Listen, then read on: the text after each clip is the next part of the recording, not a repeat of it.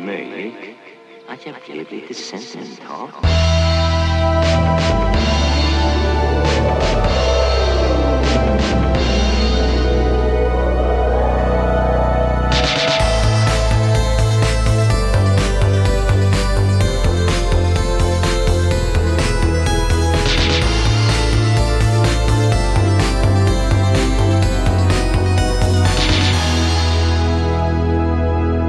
Och kände mig väldigt Halli hallå! Halli hallå! eh, Ute på tjänstgöring igen. Ja, mon- eh, vad säger jag, måndag morgon, det är ju lördag morgon. Men det känns lite som måndag morgon. Ja men det här, för mig är det den här arbetsveckan som aldrig tar slut. ja, jag så hörde det. det, mm. det känns som måndag, Ah, varje Så- dag är måndag. Verkligen bra, bra jobbat att du tog dig ut. Jag, eh, jag är också väldigt förkyld så att jag ber om ursäkt ifall jag låter Men vi, hemskt. vi kämpar på. Jag kämpar på. Vi sitter ju här eh, på tåget Mm. mot Tierp, Och slutdestination Lövstabruk. Ja, det känns... Men det ska bli jättekul. Jag är så taggad på... Vi ska ju se någon så här väldigt speciell orgel. Mm, Av mm. någon anledning känns det väldigt kul. Jag tycker orglar... Orglar? Hur säger man det i plural? Det gör man väl eller? Orglar. ja, men det är väldigt häftigt. det är väldigt instrument. häftigt. Det är Ja. liksom allkonstverk på något sätt. Ja. Vad... har du något du ser fram emot? Eller är det bara...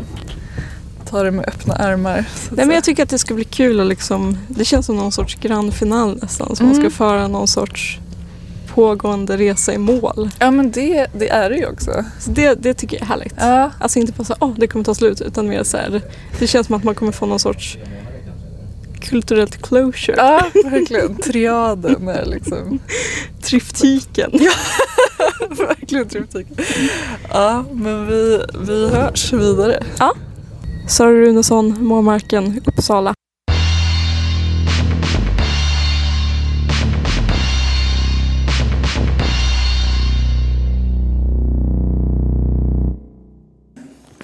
Okej, nu står vi här i Lövstabruks herrgård eh, och har haft en otrolig guidning här.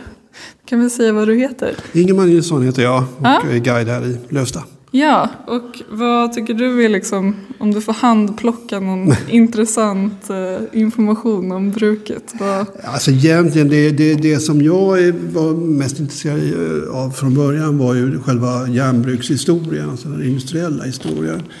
Eh, Men sen har det ju liksom utvidgats till både ja, bruksbefolkningen så att säga och inte minst herrgården där vi står, där vi står nu. Eh, Det mest intressanta, jag tycker nog att det mest intressanta om, om vi pratar om herrgården så är det nog eh, Charles de Geer och... eh, som- Ja, vilken av dem? Precis, det är tre då på 1700-talet. Men den mittersta av dem, som då var kring 1750 kan man säga, eh, var insektsforskare, eh, ganska ansedd vetenskapsman. Grundlade biblioteket här, som är ganska känt. Och förutom då att han var bruksperson. Det är nog den intressantaste perioden, tycker jag. Mm. Av olika skäl. Ja, det är roligt att Norra Uppland har så många så här, nata- naturalie och eh, botaniker. Och Precis. det ligger precis. i, i landet. precis. Men kanske också, eftersom vi har lite strindbergintresse i den här podden, kan inte du berätta lite om eh, Strindbergs eh, bror? Jo, just det. Jag kan berätta om Johan Olof Strindberg som alltså var trädgårdsmästare. Så småningom utnämndes han till till och med till trädgårdsdirektör eh, här i Lövstabruk. Och han var det alltså då i 40 år eh, och satte väldigt stor prägel på, på parken och, och odlingarna och, och så vidare här. Bror till som sagt var till August Strindberg. Eh, Det finns ju också en anekdot kring de där bröderna, eller det är inte bara en an- anekdot. Det är, Eh, de brevväxlar ju mycket. Och eh, August bodde ju då i Stockholm och eh, Johan Olof här uppe. August Strindberg var ju väldigt intresserad av eh, trädgårdsodling också. Ville gärna komma upp till Lövsta. Eh, nu var det så att brukspatronen här då på den tiden, Karl De Geer, var en mycket konservativ person. Och var det någon person som han tyckte ganska illa om så var det August Strindberg. Och Det innebar ju det att eh, Johan Olof stod ju då som så att säga, å- en åsna mellan två hötappar. För att han var ju rädd för att eh, om August kom upp hit så skulle det ju bli en konfrontation kanske i värsta fall. Så han försökte ju hela tiden avstyra att August skulle komma. Så det är ganska roligt att läsa de där breven och, eh, också av den anledningen. För att han hittar ju på, får man väl nästan säga, olika anledningar till att det är inte så lämpligt att komma just nu för hästskjutsarna funkar inte från någon Tobo station och så vidare. Så att, eh, ja. Eh, Ja, det är väl ungefär vad man kan säga. Ja, vad spännande. Mm. Hej, Klippar-Sara här. Eh, sa de inte tack till Ingmar efter intervju, undrar ni kanske? Jo, eh, det gjorde vi, men det går liksom inte att lämna okommenterat. Eh, så här kommer det, liksom två, två nippertippor som säger tack i kör. Ja, Okej, tack bra. så jättemycket. Tack, tack.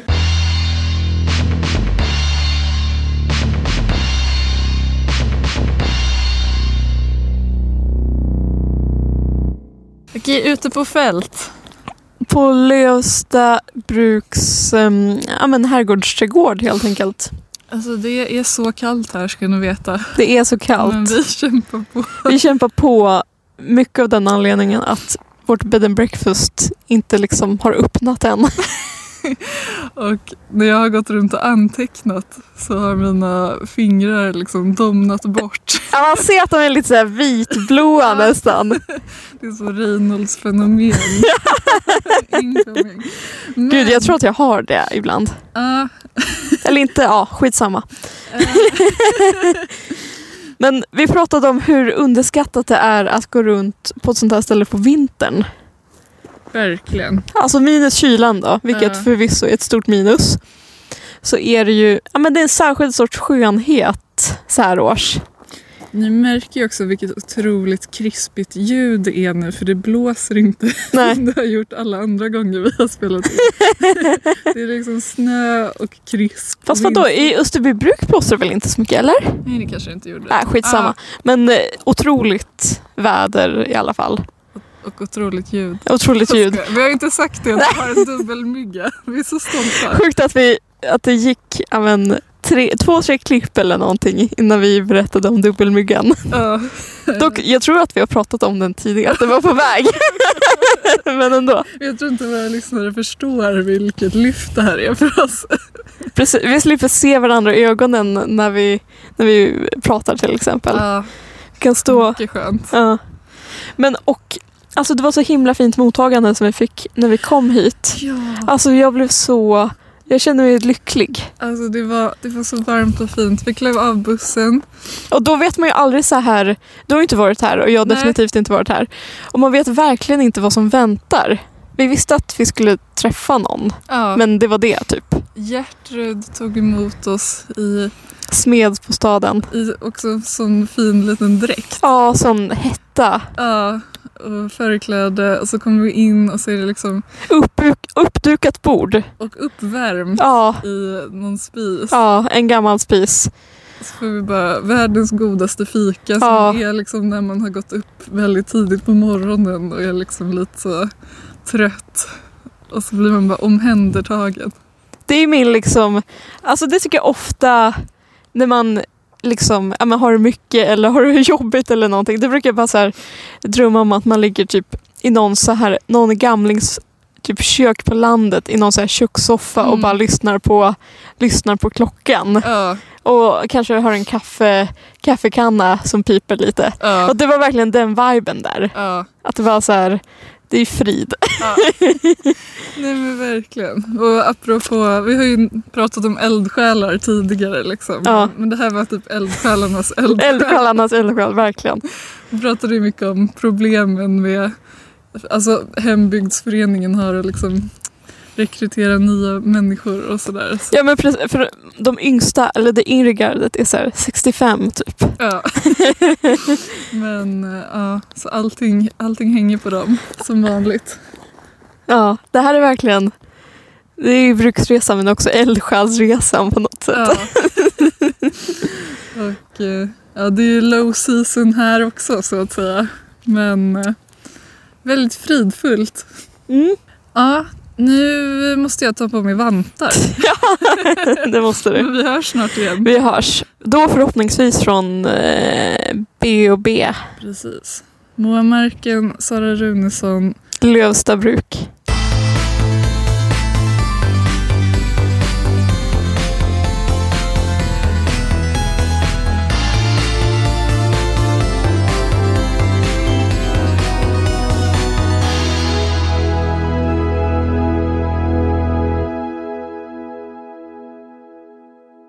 Bland hyttor och ugnar jag ensam vankar. Det glöder inom mig och bultar och bankar. Och drömmarna komma, men tunga, i klampande träskotakt. En skara av väldiga skuggor skrider förbi mig i natten, ur gångna tider. De sotiga järnmän alla, som smidde i mandom och makt.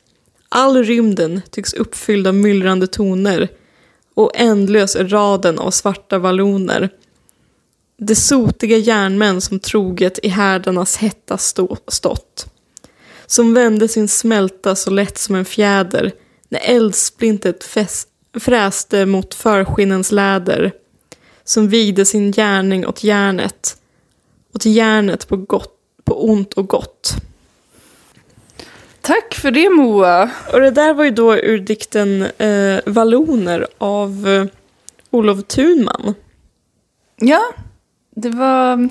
Man, vi- man kände inte till att det fanns en diktare som har skrivit om valloner. Nej, men vi kommer komma tillbaka till honom tror jag. Mm.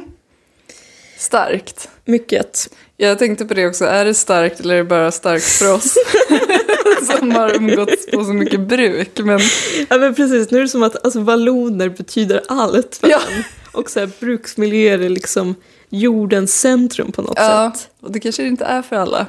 Nej, men, det, kanske, borde det vara. kanske är bra att det, folk lär sig. Ja, ja exakt. Ja, vi ska väl försöka göra någon liten sammanfattning av dagen. mm. Och eh, ni, ni som har varit med vet ju att vi rör oss i Louis De Geers universum. 1600-tals vallonen från Nederländerna Ja, som var så fruktansvärt rik. Ja, alltså han var så fruktansvärt rik. Jag funderade liksom på om, ja, v- vem ska man jämföra det med idag? Alltså, det är väl så Elon Musk typ. Mm. Nej, men jag vet inte. Men han var Europas rikaste man. Och eh, Sverige behövde väldigt mycket pengar till flottan, bland annat. Och han gick in och stöttade med, ja, vad sa han? Alltså hälften av 20 miljarder i dagens penningvärde, så 10 miljarder, Just det, ja. gick Louis De Geer in med ja. åt Sverige. Och i utbyte fick han då de här tre bruken. Och nu har vi besökt alla tre! Yay! Liksom, Den här Goals. tryptyken som du sa. Det är en tryptik. Det är en tryptyk. Ehm, ja, nej men han, han har ju varit med men liksom han, eh, han var ju verkligen en eh, eh, typ anledningen till.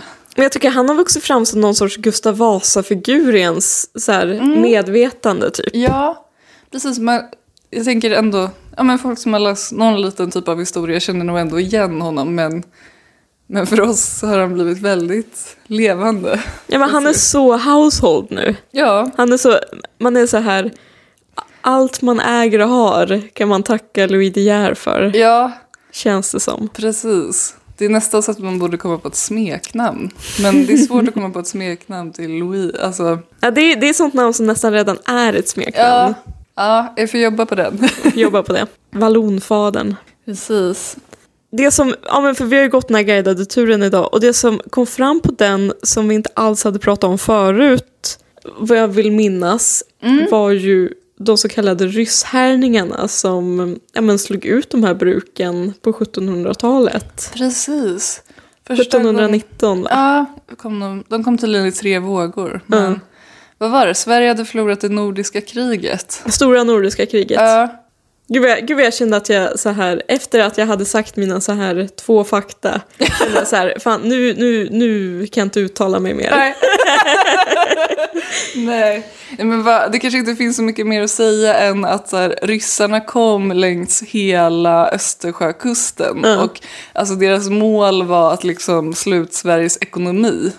Och då förstår ni att Sveriges ekonomi var de här bruken Ja, som låg vid vattnet. Så det var de de attackerade. 75% av BNP som ni minns från förra podden. Exakt, så nu förstår jag, det här var ett stort slag. Ja, så då, då liksom brändes allting ner och sen var de tvungna att bygga, bygga upp allting på nytt igen. Mm. Nej, men så allt som vi har sett, det är ju en väldigt så välbevarad miljö, men allt är ju från alltså, 1700-talet post de här alltså, ryssbränningarna. Ja men precis. Och sen var det väl, det var väl kanske någon byggnad i Österbybruken då som var liksom Just det, som intakt sen hade klarat innan. sig. Ja men ja precis, merparten Mm. efter. Ja, men, och särskilt de här stora herrgårdsbyggnaderna är liksom efter allt det där. Exakt, och de var ju i trä också så det var ju lätt att... Ja, det var tacksamt att bränna ner. Ja, precis.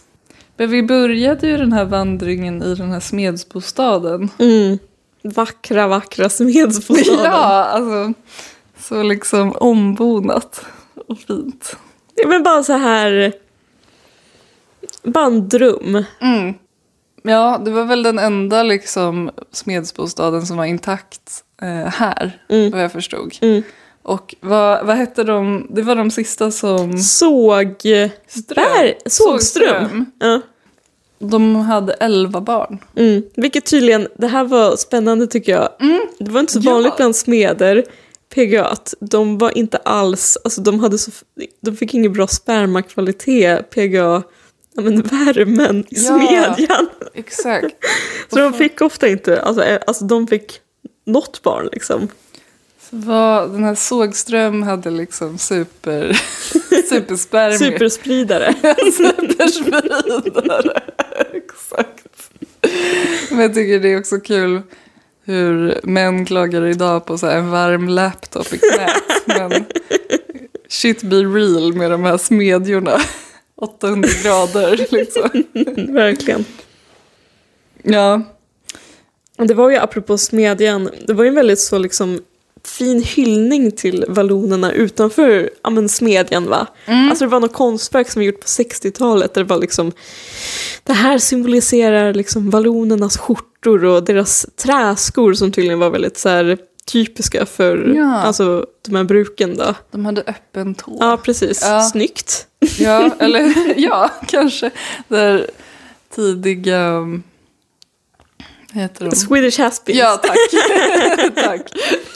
Det pratar ju också eh, Olof Thunberg om i den här dikten. Alltså han skriver ju om, hur han skriver, i klampande träskotakt. Ja, Och hade man läst den här dikten för en månad sedan hade man inte fattat det. nej, men det är tänkt träsko som träsko. Ja, men nu vet man Exakt, att det betyder så mycket.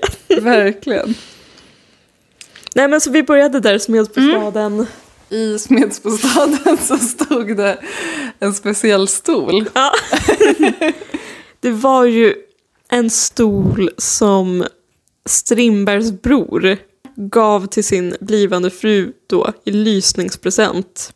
Ja. Och sen hade den gått i arv inom familjen men sen så var det någon familjemedlem som bara, jag orkar inte ha kvar det här. Nej. Lite apropå, vi pratade Ja. om i den andra podden, Ja. Döstäv. städning. Eh, och skänkte den till ja, men den här hembygdsföreningen. Mm. Och eh, han är väl med oss lite under hela den här resan känns det som. Ja, men verkligen. Det, eh, men det känns fint ändå att du har fått vara i närheten av Strindbergs bror. Ja men fin, alltid fint att få den här Strindbergskopplingen. Ja men där känns, där känns tryggt bara. Mm. Vet man är på ny plats, vet inte vad som väntar, så finns det en Strindberg där. Ja, exakt. Men sen vandrade vi ju vidare till den här kyrkan Mm. som var en väldigt... Också byggd där efter, alltså när de byggde upp Lövstabruk igen. Ja, exakt. Så eh, sj- ja, men hyfsat tidigt 1700-tal ändå. Och om man har lyssnat på tidigare avsnitt så vet man ju att de här vallonerna som kom från Belgien, de hade ju den här roliga religionen kalvinism Mm. som de tog med sig. En form av protestantism. Ja, Och väldigt. det var ju också en av anledningarna till att de liksom kom hit, för det var så mycket, det var så mycket jidder kring Ja. det där med religion. Ja, så här fick de utöva sin kalvinism. Och ehm, eh, kyrkan var ju väldigt fin, men den var ju väldigt minimalistisk. Mm. Och Ljus det- och fräsch. Ljus och fräsch, och det ingick ju i deras hela estetik, vad jag har förstått. Ja men precis, man skulle liksom i och för sig, de hade ju, de hade ju en fin altartavla men de var inte, Mm. så, de var inte så himla prålig liksom. Nej, och så var det liksom vita väggar, vi- vitt, eh, ja verkligen ljust och fräscht. Vitt, vita fönster, alltså Ja. inga såna här klassiska rosettfönster i Nej. alla färger utan Nej. bara helt neutral. Bara plain, Mm. plain vitt. Och så var det, det var ju så här distinkt eh, stengolv, alltså tegelgolv typ. Just det. I Al, alltså altargången var liksom Ja. tegel och så var det så här träbänkar. Ja, det kanske det brukar vara i andra också. Men, Ja. men, eh, men ja. Väldigt Man kände att det här var väldigt kalvinistiska, tråkiga träbänkar. Ja, sobert. En kul eh, anekdot från kyrkan var ju att eh, det var uppdelat vem som skulle sitta var. Eh, kvinnor på en sida, män på en sida såklart. Herrskapet allra längst fram, men också smederna fick sitta näst längst fram, alltså vända åt prästen. Ja. För att, De blev så lomhörda. ja, Så de var liksom infertila och lomhörda av att jobba i smedjan. Alltså så mycket arbetsskador som de borde få ut Försäkringskassan pengar för, Ja. som de inte fick. Ja, ja, det är ju galet alltså. Tänk om de skulle göra någon så här postum liksom utbetalning till deras ättlingar. Ja, Den skulle vara helt galen. ja, ja gud. Okej, men Vad fanns mer i den kyrkan då? anledningen att man besöker den kyrkan, och det är inte bara vi som har gjort utan det kommer folk från ja, men, typ hela Europa för att besöka den, det är att där står den. Kamanorgen. Ja. Sveriges bäst bevarade barockorgel. Mm. Pampig. Ett riktigt allkonstverk. ja. Hur många pipor var det de sa att det fanns i den? Typ 2000 Ja. eller någonting. Ja. Det är ju det är ofattbart. ja. Någonting som slog mig var typ såhär, jag undrar om Anna von Hauswolf har varit här och spelat. Just det. Hon är ju besatt av orglar. Just det, ja men säkert, säkert. Jag kan fortfarande inte komma över att det heter orglar i plural. Alltså tre konsonanter. Ja, skitsamma. Ja, men det var någon speciell som eh, hade gjort den orgeln va? Ja, kaman. Ja. du hade redan sagt det. Nej, jag sa inte det, Nej. men... Jag tyckte, för du sa att du skulle googla. på- Ja, men precis. Och så kom jag fram till att det var kaman. Ja. Hence the name. Förlåt. Nej, men och han var väl någon sån... Han var väl någon tysk hotspot, alltså liksom hot... Shot. Ja, hot shot. till orgelbyggare. By, byggde liksom, ja men fina orglar i hela liksom eh, Nordeuropa. Ja. Och vi eh, har ju fått att vi eventuellt ska få en ljudfil när organisten som jobbar här spelar på den här org- orgeln. Så förhoppningsvis kommer det ett ljudklipp här. Just det. Lite njut av lite fin orgelmusik. Mm. Då var det klipparen här igen. Eh, vi hade ju hoppats att vi skulle få ett ljudklipp från organisten Lukas Arvidsson som jobbar i Lövstabruk. Eh, men det har vi tyvärr inte hunnit få och vi vill inte vänta på det med att släppa det här avsnittet. Eh, men ingen skugga ska falla över honom. Han verkar vara så superpopulär och har jättemånga strängar på sin lyra, så att säga.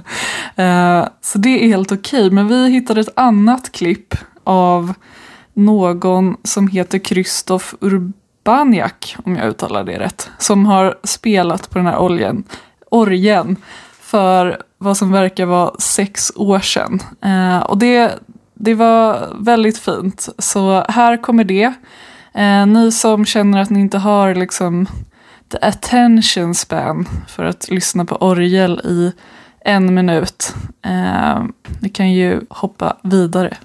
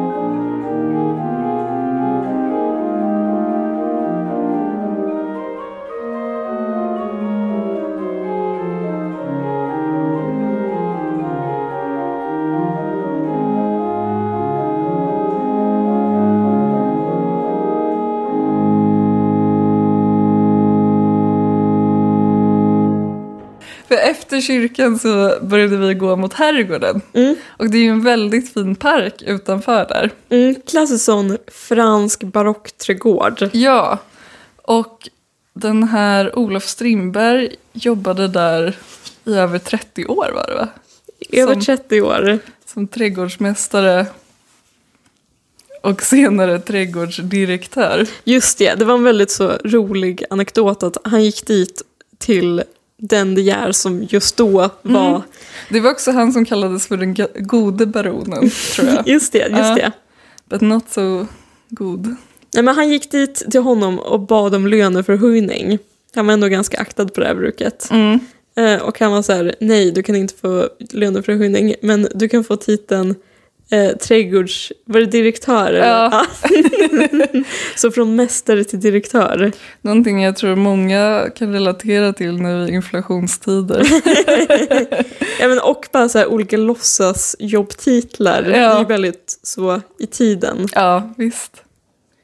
Sen eh, gick vi ju In. in i herrgården. Mm. Det första ungefär som mötte oss var en väldigt rolig målning. Ja, en väldigt, alltså så här, det känns som att... Vi det som lägger vi- ut bild. Absolut, det känns Äh. som att det var liksom eh, Lövsta bruks Gripsholms lejon Ja. ungefär. Exakt.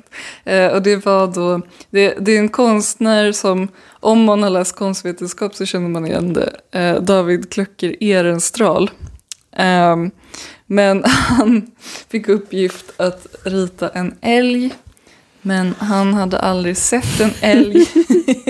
så han fick väl eh, titta på en häst och sen få liksom beskrivet för sig Nej men de satte ju, satte de inte ett par, ett älg, Ja. de satte väl älghorn på den hästen ja, det va? kanske de gjorde. Ja, men gud, ännu roligare.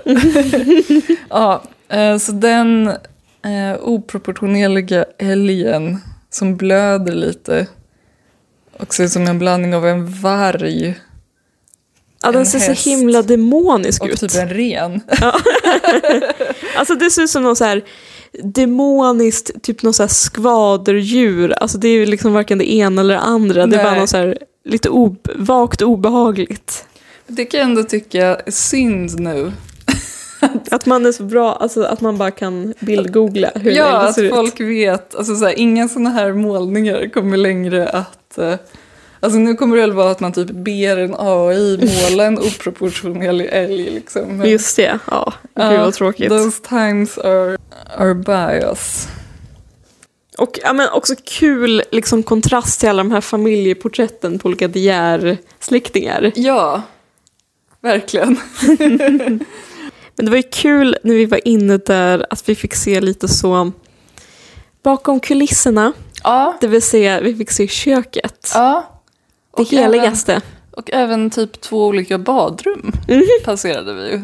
Väldigt fina badrum. Det var ju också, det var bland annat en toalett i trä, vilket fångade mig väldigt Det var starkt. också en toalett som hade en jättefin kaka, alltså en sån sekelskiftes eller äldre 1800-talskakelugn alltså på toaletten. Mm. Ja, ja. Goals. Ja, Men det var ju som du sa väldigt mycket Downtown Abbey-stämning i, när man kom in i köksgångarna där. Ja men precis, det blir en sån rolig kontrast när man har sett allt det här liksom pampiga Mm. och storslagna i rum efter rum.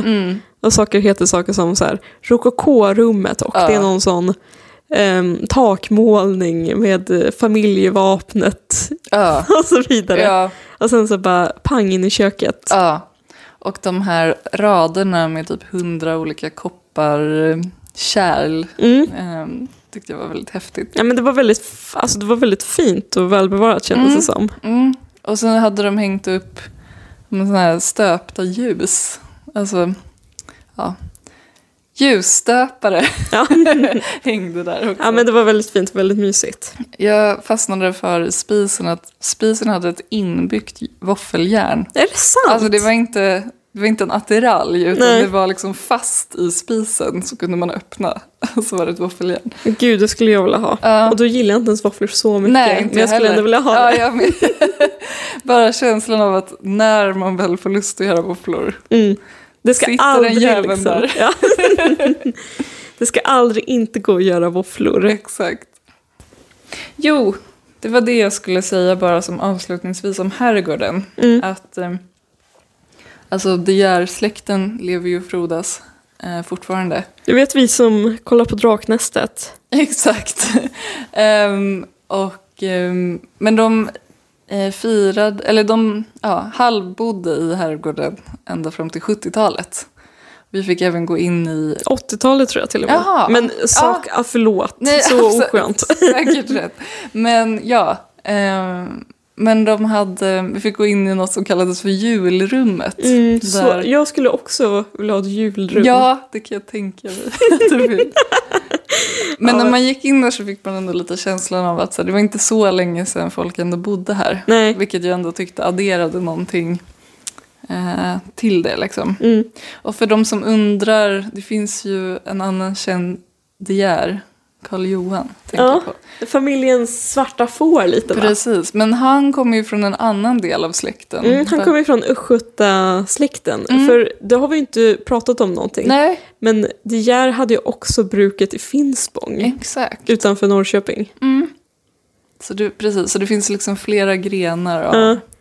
Jag undrade vilken, vilken gren alltså Draknästet De Geer ifrån. Ja, gud. Det är en bra fråga. Men det är också kul att så här, alltså det visst, man vet ju Carl Johan De Geer, att han uppenbarligen kommer från en så här adlig släkt, men Att det är liksom... det är ännu kulare, rolig, kulare. Det är ännu roligare att tänka på kuken på svenska flaggan när man går runt där. Alltså så här, det har ändå någonting. Verkligen, det hade jag inte ens tänkt på. Nej men det är liksom Skända flaggan. skända flaggan. Var onationell eller Ja, större. och så bara... Ja, nu var det inte liksom just hans sl- immediate family som bodde i den herrgården. Men Men Ja. vår guide berättade ju att Carl Johan De Geer hade varit där och föreläst för något år sedan. Ja. Så jag tänker, alltså så här, jag tror att om man tillhör De alltså äh, vilken stam, vilken gren man än tillhör, ja, så jag antar jag att de ändå i grund och botten har någon sorts känsla av att vara De Geer, De Ja. Geerare. ja, nej, men det är kul. Och typ så här... Marianne Lindberg De Geer, hon är ju inte... s- Alltså hon, är ju, hon har ju bara tagit det namnet så att säga. Men Ja. det är kul att det ändå liksom finns kulturvärden-kopplingar. Ja, verkligen. Jag tänkte också på, det var ju någon av de De Geer, De Geerarna som gifte sig med en ribbing. Ja! Då tänkte jag bara på Magdalena Ja. Ribbing. Jag var, alltså jag var hela tiden tre sekunder ifrån att typ ta upp det. Men sen ville jag inte störa guiden. Men jag bara, Magdalena? Ja. ja. Är du där? Är det där? Gud, det måste vi prata om. Det fanns ju tyvärr, jag frågade ju om det fanns någon slottsspöke eller herrgårdsspöke. Och nej, Och nej. hur kan det inte finnas? Efter alla dessa år. Precis. Du hade ju en teori om att folk var så harmoniska där. Ja, men så här, för jag, för jag tänker inte spöken, alltså man har unfinished business Mm. liksom på något sätt. Men folk där hade det så bra. De var så rika och glada. De hade så flöt på. trevliga jular. Det fanns inget att komma tillbaka över. Nej. Jag tänkte, sen gick vi ju ut lite. Mm. Promenerade runt i kylan. Ja, till ditt förtret. Ja, men jag hade, Du, du var inte glad. nej, men Förlåt att jag bara call you out here. Men- Ja, alltså vinflaskan skapade sån himla så här, alltså som jag bar i min ryggsäck skapade sån himla så här disharmoni i alltså axlarna typ. Ja, jag förstår. Alltså så det var en sida som verkligen så här, aj, typ. Men ja, men det var jättekul att vi fick se barnens bruk. Ja, Vi la upp lite fr- på story om det. precis. Vi kunde ju inte gå in dock. Nej, Nej. men det vi inte visste då var att, är det Sven Lindqvist? Nej? Nordqvist. Nordqvist, Ja. Sven Lindqvist är den här författaren. Eh, alltså mannen bakom Petson Ja. och Findus Ja. som har liksom, ja, men designat det här. Ja. Och det, alltså den avundsjukan man känner på de barnen, ja.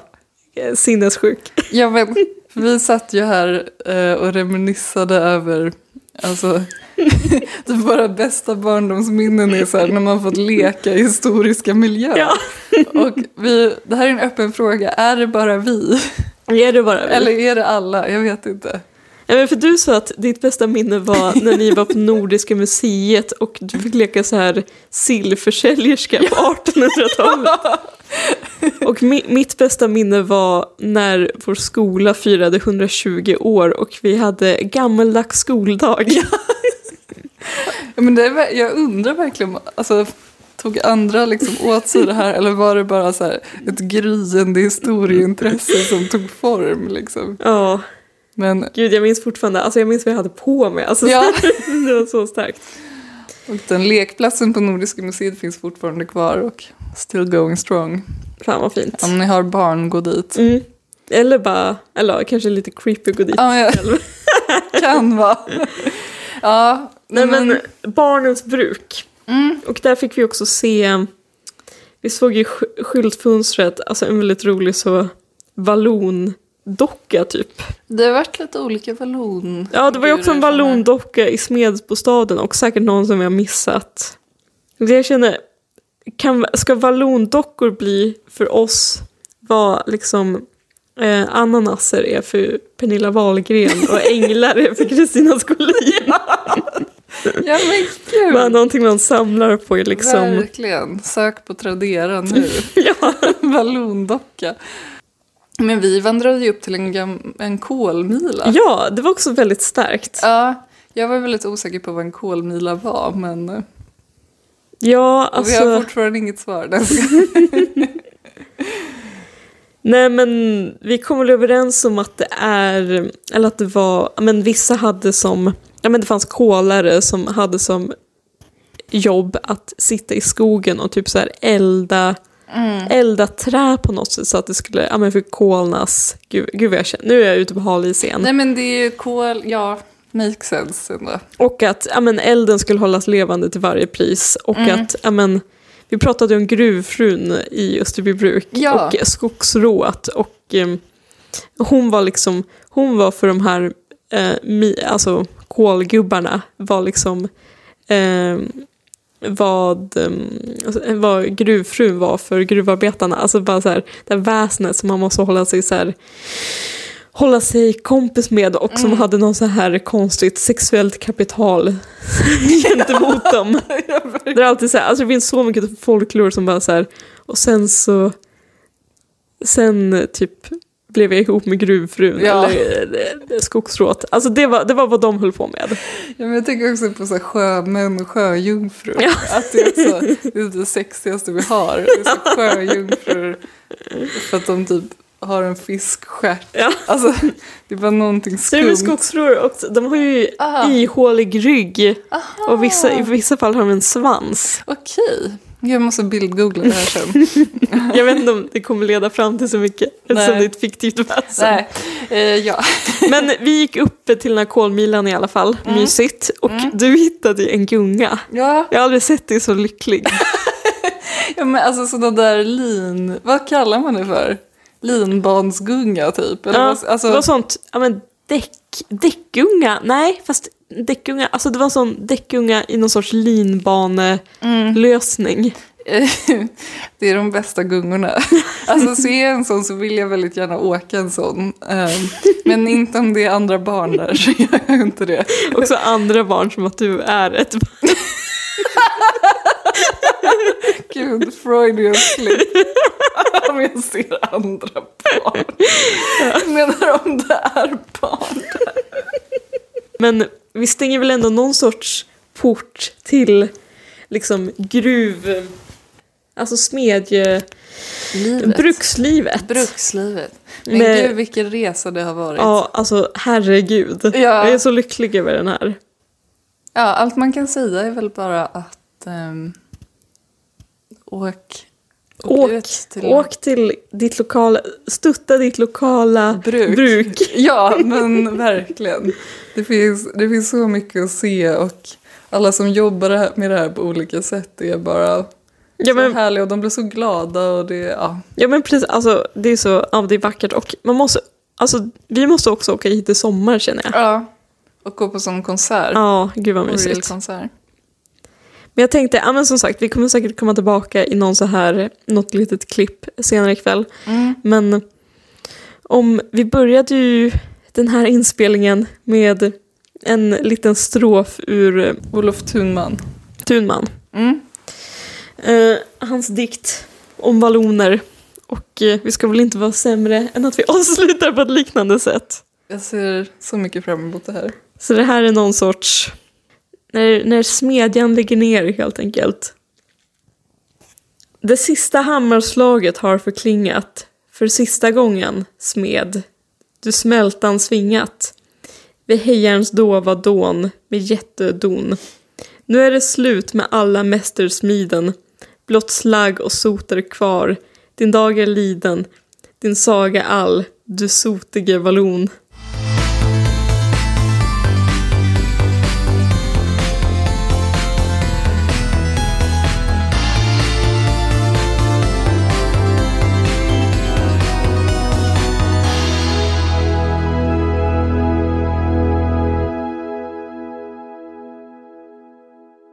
Guten Morgen! Guten Morgen! Skärplinge. Skärplinge. Vi har ju varit på ett jättemysigt bed and breakfast. Mm. Du pratade om hur bra du hade sovit. Ja, precis. Det var väldigt så, mju- det var väldigt så mjuka sängar och eh, bra tecken där tyckte jag. Verkligen. Men om vi ska vara lite mer övergripande. Ja, men vad, he- vad hette det? Gamla lanthandeln? Gamla brukshandeln. Den gamla brukshandeln. Det låg en gammal lanthandel Ja. som la ner på 90-talet. Typ. Precis nu i morse när vi skyndade iväg till bussen så sprang jag in i det rummet som var nersläckt när vi kom för att se hur lokalen såg ut. Ja, var det det? Jag fattade inte vad du gjorde, men Nej, det jag, var det bara, alltså. jag måste se. Men det var väldigt mysigt. Men det jag tyckte var kul också var att jag visste inte att du liksom hade sån lanthandelsromantik i dig. Men jag har, jag har nog det. Men, Det är så här, man har så många så här subkategorier av romantik i sig som man knappt känner till själv. Ja, ja, verkligen. Aha, nu kommer nästa buss här. Ja, Då kanske vi får eh, pausa in PGA-ljudet. ja precis. Det var Vi ju, hörs på tåget. vi hörs på tåget. Mm. Okej, nu är vi i Tierp. Vackra, vackra Tierp. Jag vill prata om din lanthandelsromantik. kanske inte fanns så mycket mer att Nej. säga där men eh, den Vi- finns. Vi konstaterade på bussen att jag istället har en torghandelsromantik. Ja, Så att det är liksom... men det är två olika. Ja, men det är ändå samma, samma mynt. Ja. Nej, men jag ville väl bara säga att det var så fint ehm, mottagande. Det var av väldigt fint Barbro mottagande. som hade den här, den här bed and breakfasten. Mm. Det var kul också under hela vår vistelse att människor nämndes och dök sen upp Ja, det var verkligen som en sån... Det var som, i eh, känslan. Ja, liksom. eller jag tänkte att det var som en teaterpjäs. Där Ja. så här, I första akten så liksom introducerar man lite karaktärer som inte är närvarande. Ja. Sen dyker de upp en efter en. Ja, bland annat var det den här väldigt kända organisten som vi fick höra om både innan, under och efter. Ja. kan man säga. och han körde förbi i en bil. Det kändes kul bara att han... Och hon som hade pensionatet var upptagen med att vara på körövning hos honom. Ja, Vilket vi också, vi hade hört om den körövningen eftersom det var den som gjorde att han inte kunde vara i kyrkan när vi, när vi var där så att säga. ja. Så det var verkligen så här, allt bara gick in i varandra. Ja, ja, det var väldigt roligt. Allt vackert har ju sitt slut och så Mm. även bruken. Ja, ja precis. De la ju ner där Var det för 20-talet? 20-talet. Ja, Men sen i Dannemora höll de ju på, alltså, men det var väl med gruvan, alltså till typ 90-talet och sådär. Ja. Så det var ingen så liksom, allt slutade ju inte exakt samtidigt men nej. det är ändå, det är lite vemodigt. Ja, ja men precis. Det är väl det som den här Olof Thuman-dikten fångar så fint. Och det, känns, det känns vemodigt för oss nu också. Ja. Åka hem och tänka att det här var vår sista resa liksom. Ja. Tills vi gör den stora Östgötaturen och besöker Finspångs bruk. Ja, precis. Alltså stay tuned. Stay tuned. Stay tuned Ös- Östgöta kommun när vi skickar in vår projektansökan. Verkligen. Det är möjligt att jag blev lite sentimental.